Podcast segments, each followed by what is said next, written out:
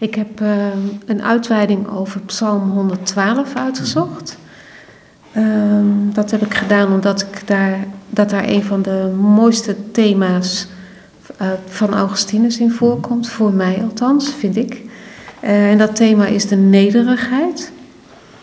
Um, en ik denk dat het fijn is om eerst even de psalm te laten klinken. Zodat we daarna kunnen kijken naar kleine stukjes commentaar van Augustinus. Het is niet zo'n hele lange psalm. Psalm 112. En ik lees hem even voor. Prijs de Heer, kleintjes. Prijs de naam van de Heer.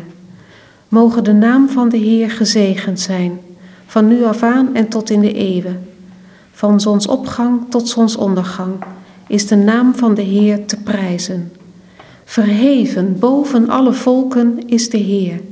Boven de hemelen is zijn heerlijkheid.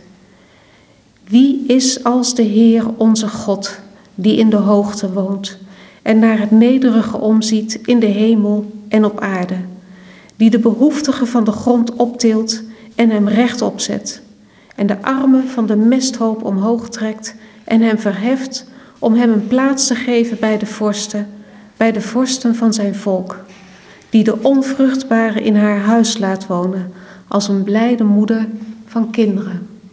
Waarom pak jou dit zo? Eigenlijk omdat ik het uh, in als een. Ik vind het een krachtige psalm, omdat hij uh, uh, hoopvol is en omdat hij gewoon klinkt. Hij klinkt als een klok en het gaat ook over.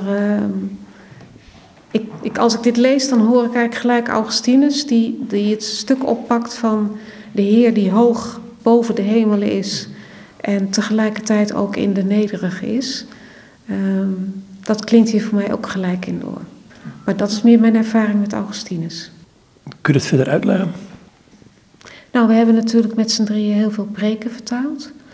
Um, en die, een van de thema's in die preken is juist dat die nederigheid van Augustinus.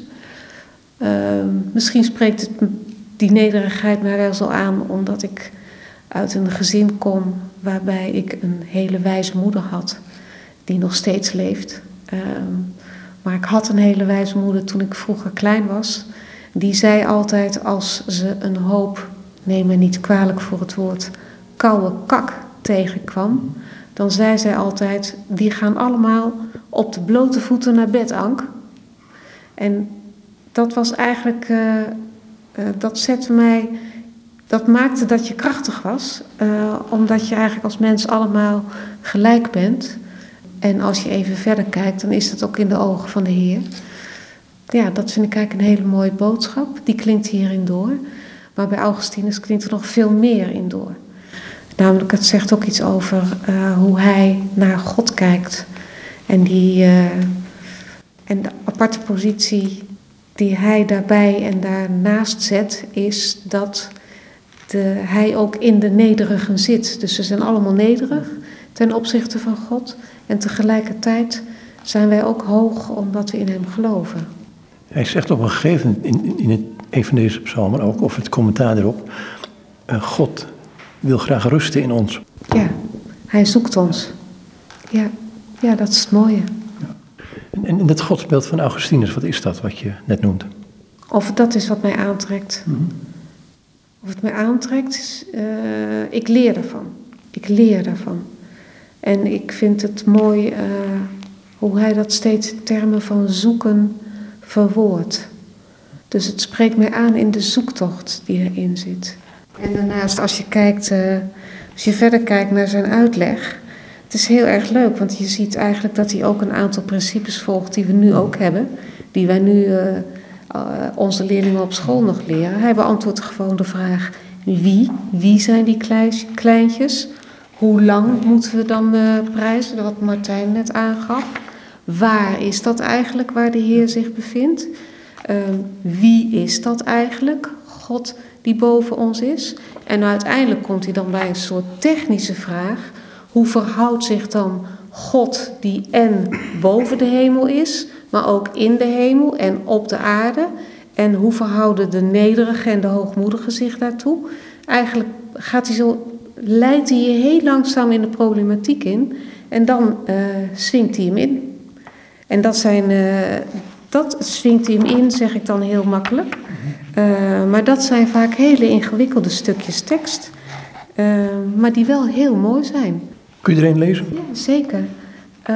een heel spannend stuk vind ik. Dat is paragraaf 4 uit diezelfde, mm -hmm. datzelfde commentaar. ik ga het voorlezen, maar je zult misschien ook merken dat ik het zelf ook nog een moeilijk stuk vind. Um, maar als je het goed leest en luistert, dan hoor je misschien uh, de portée daarvan. Ik ga het gewoon proberen. Wie is als de Heer onze God, die in de hoogten woont en naar het nederige omziet? Je zou kunnen denken dat Hij in de hoge hemelen woont, van waaruit Hij naar het nederige aardse omziet.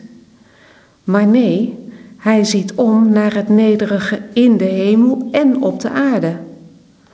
Wat betekenen die hoogten dan van waar hij naar het nederige in de hemel en op aarde omziet? Wat betekenen die hoogten van waar hij uitgerekend naar het nederige omziet? Dat hij de nederigen op zo'n manier verheft dat ze niet hoogmoedig worden.